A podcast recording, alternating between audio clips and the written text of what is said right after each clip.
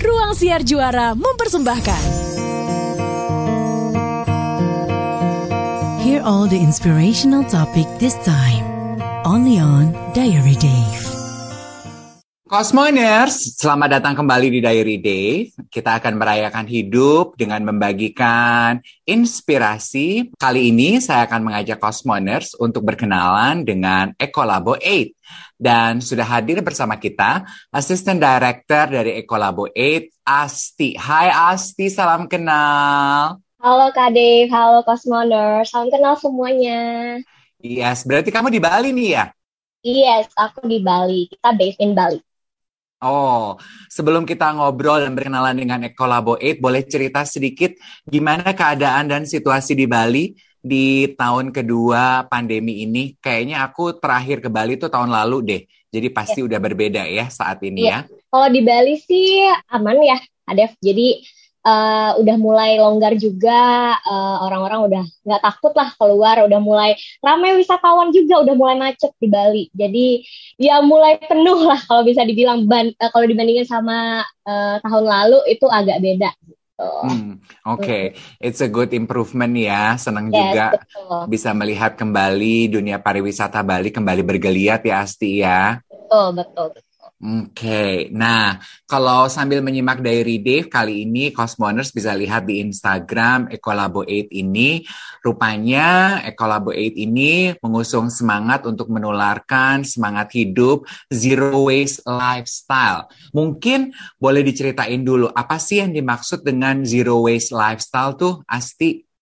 Oke, okay. Jadi zero waste uh, lifestyle itu adalah ketika uh, kita semua reduce ya penggunaan plastik, terus juga uh, minimalis gitu. Jadi nggak apa-apa beli, misalnya kalau ada barang lihat di online bagus lucu, terus langsung beli. Jadinya kan malah nambah sampah gitu kan. Jadi memang zero waste itu juga kita bisa lihat dari penggunaan barang-barang uh, plastik atau barang-barang disposable sekali pakai. Jadi memang berusaha gitu untuk tidak pakai barang-barang tersebut atau mengurangi lah uh, penggunaan hmm. dari barang-barang tersebut. Seperti itu Kak Dey. Oke, okay. berarti sebetulnya culprit utama dari uh, zero waste lifestyle ini masih plastik gitu ya Asti ya? Betul, betul. Kalau untuk Ecolabo 8 sendiri sih kita memang uh, kampanyenya uh, dalam zero waste itu adalah pengurangan penggunaan plastik. Oke, okay. pengurangan penggunaan plastik. Seperti yeah. yang kita tahu kan juga Bali termasuk salah satu tempat yang pertama kali tuh ya kayaknya memerangi penggunaan uh, kantong plastik sekali pakai, ya kan? Betul, Kemudian betul. sedotan, ya kan? Saat ya. ini kayaknya di Bali udah udah udah hampir nggak ada ya yang menggunakan sedotan plastik dan juga kantong belanjaan plastik, bener nggak Asti? Betul, memang uh, dibandingkan dengan daerah lain ya, memang hmm. uh, di Bali daerah yang pertama juga yang memban plastik bag, uh, terus juga rata-rata restoran dan juga hotel atau tempat tempat-tempat makan di Bali tuh udah nggak pakai sedotan lagi. Atau misalnya kalau pakai sedotan masih pakai yang paper gitu paper. Hmm. sedotan uh, kertas seperti itu. Jadi hmm. memang memang bisa dibilang Bali sudah mulai aware lah sangat aware hmm. gitu kalau dibandingkan dengan kota eh, kota-kota lainnya. Iya yang diharapkan kesadaran dari teman-teman di Bali itu yang akan menular ke kota-kota lain di Indonesia gitu kan? Semoga semoga pasti yakin. Yakin bisa. pasti bisa. Nah kesadaran itu juga yang akhirnya menggagas kehadiran Ecolabo 8 betul? Betul betul sekali. So basically what do you guys do di Ecolabo 8 Asti? Jadi di Ecolabo 8 ini kita adalah pabrik recycling. Jadi kita mengolah sampah. Bisa dibilang kita mengolah sampah dari seluruh Bali. Kita kumpulkan sampahnya sesuai tipe plastik dan juga warnanya lalu masuk ke proses uh, pencacahan sampai pemanasan pencetakan sampai dia menjadi barang baru Kak Dev. Jadi memang 100% recycled plastik yang kita produksi di sini. Oke, okay, 100% recycled plastik. Aku Betul. suka lihat tuh di Instagram ya. Jadi ternyata sampah-sampah plastik yang uh, terkumpul gitu setelah dipilah dan dibersihkan dicacah jadi kecil-kecil gitu ya aku lihat ya. Betul, betul. Jadi uh, gunanya apa sih kalau misalnya teman-teman Cosmoners itu penasaran ya kenapa dicacah kecil-kecil? Biar dia gampang masuk ke mesin pemanas. Karena tiap plastik itu dia titik lelehnya kan berbeda, Kak Dev. Jadi memang uh, harus dipotong kecil-kecil biar dia lebih gampang meleleh dan tidak terbakar seperti itu. Oke, okay. nah uh, apakah semua jenis sampah plastik bisa kalian recycle? Tidak semuanya. Jadi kan dari tujuh tipe plastik itu hanya tiga yang bisa kita recycle saat ini, yaitu PP, polipropilen, LDPE, dan HDPE. Oke, okay. selebihnya berarti tetap remain menjadi sampah gitu ya? Iya, selebihnya kita masih dalam proses research juga untuk PET, Semoga nanti akhir tahun kita udah bisa recycle PET, tapi untuk yang lain-lainnya kita belum bisa. Dan memang ada beberapa tipe plastik juga yang memang tidak bisa di-recycle, Kak Dev. Oke, okay.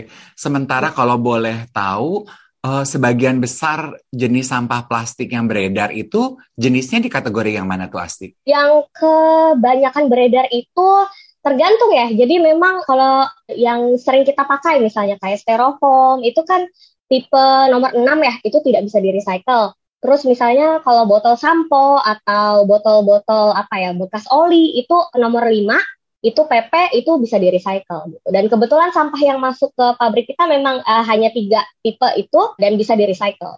Oke, jadi segala jenis plastik, botol-botol kemasan, uh, produk sekali pakai kita tuh sebetulnya adalah produk-produk yang bisa di-recycle oleh Ecolabo 8. Bisa, bisa. Jadi kayak tutup botolnya atau uh, juga kayak yang tadi aku sebutkan kayak botol sampo, botol minuman, sabun, sabun, hmm. betul itu bisa.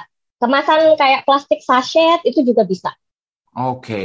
jadi uh, in essence sebetulnya penggunaan styrofoam itu yang paling agak iya. tak berujung ya PVC, problemnya. Betul.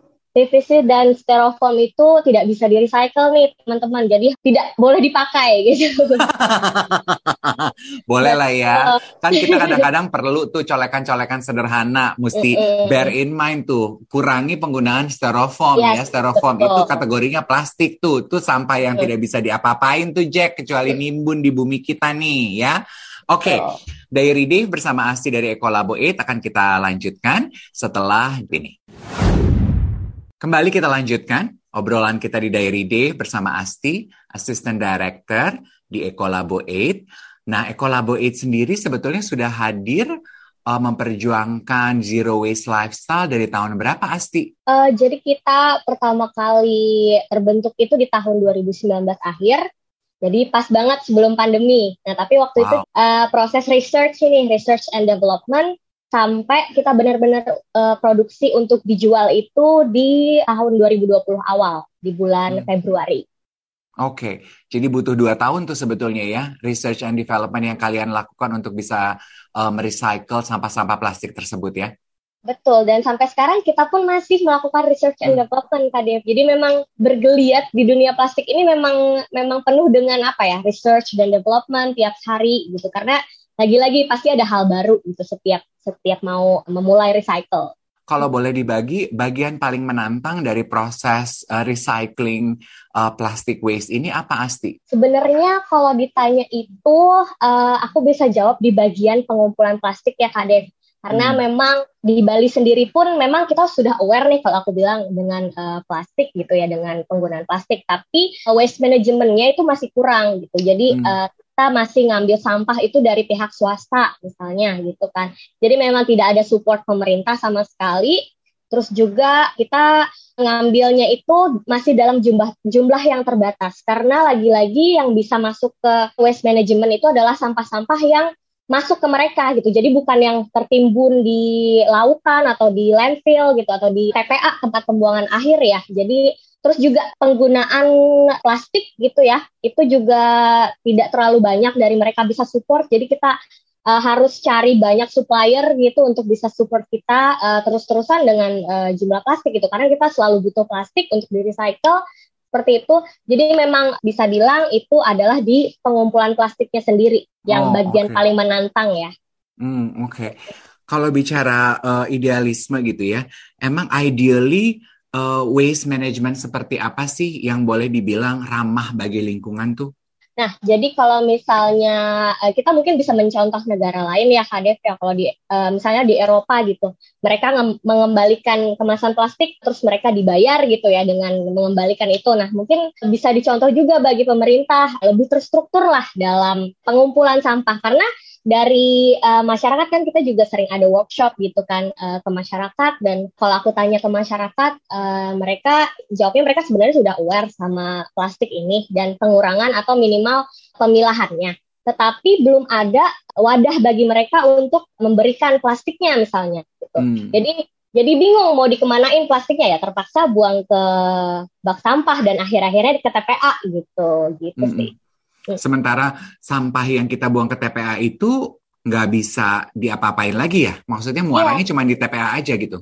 Betul, betul. Dan hanya berhenti di TPA gitu. Mending kalau ada misalnya teman-teman dari bank sampah atau para pemulung yang ngambil ya. Tapi kalau hmm. misalnya udah menumpuk banget, jadi kan yang bawah-bawah ketimbun. Jadi tetap akan di situ aja, di situ-situ aja gitu. Nggak ke mana-mana sampahnya. Gitu. Hmm. Oke, okay, itu uh, very nice insight ya. Buat uh, warga kota Jakarta mungkin ada beberapa yang udah mulai sadar dengan uh, penggunaan plastik dipilah-pilah gitu ya. Tapi abis itu nggak tahu mau diapain tuh plastik-plastik yang yang yang udah kita kumpulin gitu. Oke, okay. tapi setahu aku tuh uh, sudah mulai ada beberapa produk skincare uh, yang uh, mengendorse para customernya untuk mengembalikan wadah body lotion, wadah shampoo, wadah sabun ke toko mereka. Benar nggak sih? Betul. Nah, kebetulan kita juga uh, bekerja sama dengan The Body Shop ikut membantu mereka recycle gitu. Recycle hmm. uh, botol-botol lotion, botol-botol body butter yang customer mereka taruh kembali di store mereka. Jadi dari store mereka dikumpulkan oleh Waste for Change atau uh, Eco Bali lalu disalurkan ke Ecolab untuk uh, kita recycle gitu Kak Dewi. Hmm, sih. Nah, pengennya sih inisiatif seperti itu tuh ya, yang akhirnya ditiru dan bisa dilakukan oleh banyak pihak gitu ya, Asti ya, sehingga itu yang disebut uh, waste management yang lebih ramah bagi lingkungan kali ya. Betul, betul, betul sekali. Oke, okay. berarti untuk untuk kita nih konsumen atau masyarakat awam yang selama ini sudah berkenalan dengan cara waste management ya rumahan lah yang memisahkan sampah organik, sampah anorganik gitu. Itu sebetulnya kita nggak terlalu banyak dong sumbangsi kita pada uh, zero waste lifestyle. Sebenarnya justru kalau udah memilah ya, aku bisa bilang itu gerakan yang bagus loh Kade. Karena hmm. nggak hmm. semua orang aware dengan pemilahan sampah ini yang aku bilang tadi. Kan sebenarnya lebih ke complicated ya. Kalau misalnya plastik itu kan lagi-lagi yang aku bilang ada tujuh tipe. Dan hmm tujuh tipe ini beda-beda semuanya. E, cara e, recycle-nya beda, ada yang nggak bisa di-recycle, ada yang bisa di-recycle. Nah, gunanya pemilihan itu adalah e, bagaimana caranya sampah-sampah ini itu bisa masuk ke facility e, recycle seperti Ecolab misalnya dengan baik gitu. Jadi kita bisa langsung recycle. Kalau misalnya dia tercampur atau misalnya tercampur hmm. sampah organik, sampah anorganik atau semua tipenya tercampur, itu nanti malah tidak bisa di-recycle gitu Kak Dave. Hmm. Jadi eh, yang aku bilang tadi sebenarnya uh, masyarakat udah bisa tuh memilah banyak yang memilah sampah anorganik dan organik gitu kan. Cuman ya itu tadi harusnya juga dari uh, peran waste management atau ya maupun swasta atau pemerintah juga yang di pemilihannya itu. Jadi hmm. uh, lebih gampang untuk di recycle dan dibantu penyalurannya ke pabrik-pabrik uh, recycle nggak cuma Ecolab tapi seluruh pabrik gitu yang ada di Indonesia. Uh, sebetulnya kalau kayak kita nih gitu ya individu boleh nggak sih kita tuh uh, berinisiatif sendiri ah aku kumpulin aja deh plastik-plastik aku terus nanti monthly basis gitu aku bawa deh ke Ecolabo 8 gitu untuk di recycle. Boleh banget, kita juga terima ya itu tadi ya yang tiga tipe yang aku sebutkan hmm. tadi yang PP, LDPE sama HDPE feel free kalau misalnya ada dari teman-teman yang udah ngumpulin nih, kak aku punya uh, botol PP nih, boleh nggak aku di, uh, aku kirim ke Ecolab? Boleh banget, kita terima. Uh, karena kita juga butuh plastik untuk di recycle, jadi ya kita terima pastinya kalau ada yang langsung taruh ke pabrik kita gitu, Kak Hmm, Oke, okay. kalau Anda bertanya apa sih sebetulnya eh, barang-barang yang diubah dari sampah-sampah plastik ini yang dilakukan dan dihasilkan oleh Ecolabo 8, temukan jawabannya bersama Diary Dave dan Asti setelah jeda berikut ini. Kita lanjutkan perkenalan kita dengan Zero Waste Lifestyle melalui Ecolabo 8 bersama dengan Asti, asisten director Kolabo 8. Uh, eh, berdasarkan kecanggihan teknologi, Jakarta Bali bisa ngobrol kayak tetanggaan nih ya. Bisa lihat-lihatan suaranya kedengeran jelas banget. Oke, okay. nah sampah-sampah itu diolah uh, gitu terus dijadikan produk. Produknya apa aja saat ini Asti? Betul. Jadi dari plastik-plastik tadi kita olah menjadi bisa jadi furniture, terus bisa jadi puzzle atau mainan anak-anak, bisa juga jadi tatakan gelas, uh, cutting board, uh, pot bunga, terus uh, cermin gitu ya, cermin kaca, terus juga bisa kita olah jadi tempat sabun. Pokoknya anything possible dengan uh, recycle plastik gitu Kak Dave. Jadi apa pun misalnya ada yang request uh, ini bisa bikin nggak? Uh, nah kita uh, cek dulu nih apakah possible atau enggak. Tapi mostly itu kita bisa buat uh, apa pun itu. Yang pokoknya yang dari kayu bisa buat dari plastik juga bisa. Oke, okay. plastik-plastik yang uh, daur ulang berarti itu ya. Jadi plastik-plastik bertanggung jawab tuh ya, boleh dibilang yang Betul. hidup kembali berkat tangan dinginnya Ecolabo 8. Oke, okay. aku udah lihat tuh beberapa produknya di Instagram dan rupanya beberapa teman-teman selebriti aku juga pada saat mereka pergi ke Bali, mereka sudah mengunjungi uh, apa tuh showroomnya atau pabriknya kali ya? Uh, uh, showroomnya Ecolab. Oh, di mana sih showroomnya Asti? Aku kalau ke Bali mau mampir ah. Boleh silahkan mampir. Kita ada di Tumbak Bayu di Pererenan. Jadi Canggu ke atas lagi itu uh, sekalian pabrik kita. Jadi sambil jalan-jalan ke showroom bisa lihat langsung proses dari pengolahan plastik gitu. Oh oke. Okay. Apa uh, pesan atau uh, why do you guys do that? Membuka dapurnya tuh, kasih lihat pabrik, bikinin showroom. Apa sebetulnya semangat yang sedang coba ditularkan? kalau dari Ecolab ya, uh, terus juga dari owner kita, the founder uh, Kevin. Jadi memang uh, kita itu pengennya nggak cuma Ecolab gitu. Jadi kita pengen juga sekaligus mengedukasi teman-teman yang ada di Bali maupun teman-teman dari seluruh Indonesia lah gitu uh, tentang pentingnya penggunaan plastik ini. Gimana caranya? Karena kan manusia ini udah kalau bisa dibilang nggak bisa give up dari plastik gitu kan. Jadi gimana caranya kita uh, kasih solusi yaitu recycle gitu. Jadi uh, di situlah kita pengen kenapa adanya showroom dan uh, tempat ini jadi semua orang tuh bisa datang semua orang bisa lihat gimana caranya proses pengolahan plastik gitu terus juga uh, teman-teman nanti ujung-ujungnya ada kesadaran gitu gimana meminimalis penggunaan plastiknya atau juga atau juga mungkin terinspirasi untuk membuat recycle sendiri, pabrik recycle sendiri bisa juga seperti itu Kades. Hmm. Dan dari pertama kali dibuka, uh, pengen tahu seperti apa antusiasme orang-orang yang telah menyaksikan dan melihat uh, karya uh, daur ulang plastik tersebut. Iya, kalau aku bisa bilang, kita kan sebenarnya juga baru mulai ya, kita baru mulai setelah kerjasama kita dengan uh, The Body Shop, uh, terus juga kita mulai dapat recognize dari teman-teman juga terus mulai juga tuh rame di TikTok gitu kan ngelihat video uh, video-video Ecolab gitu. Ya itu tadi uh, orang-orang dari semua kalangan gitu ya itu excited banget kayak oh akhirnya ada nih perusahaan yang memulai gitu memulai uh, gerakan ini terus juga karya-karya anak bangsa gitu. Jadinya bagus gitu jadinya menolong lingkungan terus juga lebih bermanfaat lah gitu Hmm.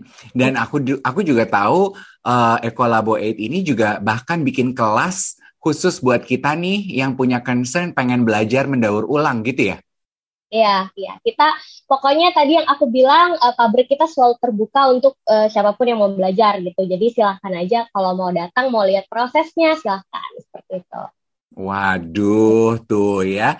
Terbuka. Karena banyak juga Kak Dev yang uh, apa namanya anak-anak SMP, mereka hmm. pernah waktu itu ada ikut lomba gitu ya, terus uh, lomba recycle plastik, terus mereka datang ke pabrik kita, mereka belajar banget dari awal uh, gimana caranya ini mereka bikin paving block waktu itu, bikin paving hmm. block uh, dari recycle plastik gitu, dan memang kita antusias banget gitu bantu mereka untuk belajar cara recycle plastik ini gitu.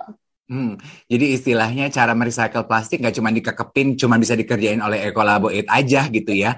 Iya. Kalau karena kayaknya uh, harus bisa dilakukan oleh semua ya supaya kita bisa oh. sehat, benar nggak sih? Betul betul. Maka dari itu yang tadi uh, aku sempat mention juga uh, diharapkan nggak cuma Ecolab gitu, tapi uh, nanti ada banyak gitu teman-teman yang mungkin pengen juga gitu buat sesuatu kayak Ecolab gitu.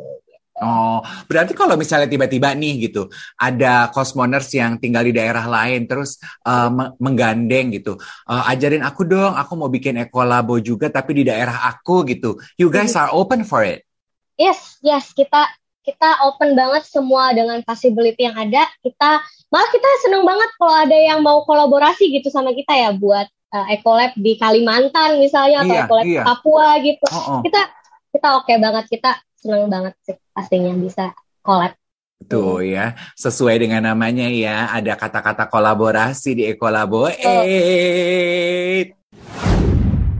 Cosmoners, kalau Anda sudah semakin paham dan semakin besar keinginan untuk mulai hidup zero waste lifestyle, pengen tahu apa sih langkah real yang bisa dilakukan, mungkin bisa ikut kelas yang digelar oleh Ekolabo 8. Gimana caranya kalau mau daftar kelas yang kalian punya? Oke, jadi boleh reach out kita dari Instagram atau via email. Eh, nanti di Instagram at ekolabo8 atau di email kita di info at ekolabo8.com. Nanti bisa eh, koresponden sama aku juga langsung nanti kita bisa appointment kapan gitu. Oke, dan apakah kelasnya itu bisa dilakukan secara online gitu untuk yang tinggal di luar pulau? Kalau online kita belum bisa Kak Dev. Jadi eh, ah, ah, jadi memang harus datang ke pabrik. Eh, kalau online mungkin karena aku juga sering live Instagram atau ada webinar-webinar gitu. eh, itu biasanya eh, aku tunjukin juga tuh. Tapi untuk eh, biasanya untuk university atau juga untuk anak-anak SMA. Hmm, oke. Aku pengen tahu dong, eh, apa yang paling berubah Asti rasakan dari kehidupan kamu pribadi semenjak eh, kamu nyemplung nih dan kehadiran Ekolabo 8 ini? Does Iya. it change your daily and personal life also? Yes.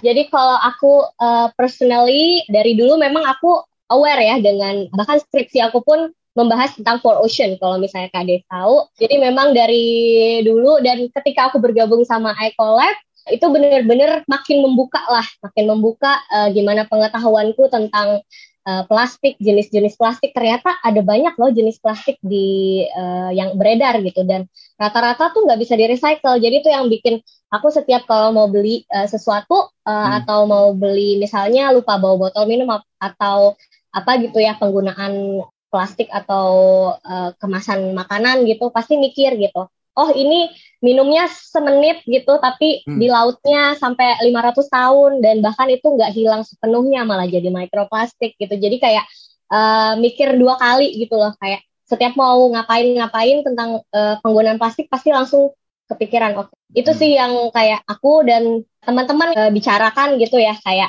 kalian minumnya cuma lima menit tapi impactnya itu sampai ratusan tahun gitu jadi dipikir lagi seperti itu Oke, Asti tiba-tiba kepikiran aku beberapa waktu lalu di awal musim pandemi itu juga kan sampai kalau nggak salah sampai ada pembahasannya tuh di eh, kantor berita internasional gitu Yep. sampah yang beredar di pantai salah satunya yang ada di pantai-pantai di Bali tuh. betul Arah pertanyaanku adalah berarti kalau tadi kan kita membicarakan kita udah ngebahas tuh sampah-sampah plastik yang akhirnya nimbun di TPA itu mostly nggak bisa dipakai tuh untuk daur ulang. Berarti sebetulnya itu sampah-sampah yang kita lihat memadati pantai nggak bisa didaur ulang dong. jadi gini kemarin itu kebetulan memang lagi viral ya Kadef yang Oh. soal sampah itu nah itu kebetulan eh, nggak cuma dari Bali aja tapi dari selat eh, Jawa Ya, ya, ya, jadi ya. jadi sampah-sampah dari Jawa itu juga masuk ke pantai-pantai Bali gitu dan sebenarnya tergantung Oh. lagi tergantung lagi sampah yang beredar balik lagi ke quality ya kualitinya kalau misalnya dia baru satu kali di recycle atau baru dua kali di recycle itu dia masih bagus tuh untuk jadi produk yang perfect lah kalau bisa dibilang. Tapi kalau misalnya dia udah tertimbun di lumpur atau dia udah udah menggenang di lautan atau tertimbun di tanah itu kan dia pasti udah degrade sedikit ya dan itu akan mempengaruhi kualitas dari plastik tersebut gitu. Jadi Hmm. tergantung lagi balik lagi ke plastiknya apa jenisnya apa. Rata-rata sih dari plastik-plastik yang udah ada di lautan itu masih bisa di recycle cuman uh, hasilnya tidak seperfect plastik-plastik yang memang didistribusikan dengan baik gitu untuk uh, Hmm. recycle-nya seperti itu. Oke, berarti sebetulnya juga eh, kesadaran itu harus kita miliki tuh ya distribusi dan Betul. penggunaan plastik yang kita lakukan juga harus lebih bertanggung jawab sehingga sampah kita masih bisa eh, hidup lagi. betul betul sekali I see. Dari produk yang kalian sudah miliki, mana atau ada nggak produk favorit yang paling diminati? Kalau aku personally itu kita baru buat laptop stand kebetulan. Jadi pasti anak-anak milenial, iya pasti anak-anak milenial tuh suka. Terus kita juga suka bikin jewelry box. Jadi pasti suka deh teman-teman gitu. Aduh, aku mau cari ah itu laptop stand sama jewelry box pas banget itu ponakan aku baru merengek minta laptop stand. Di mana sih kita bisa lihat dan mendapatkan produk-produk dari Ecolabo 8 Asti? Untuk produk-produk dari Ecolab sekarang ini kita belum punya e-commerce atau apa, jadi hmm. masih via WhatsApp.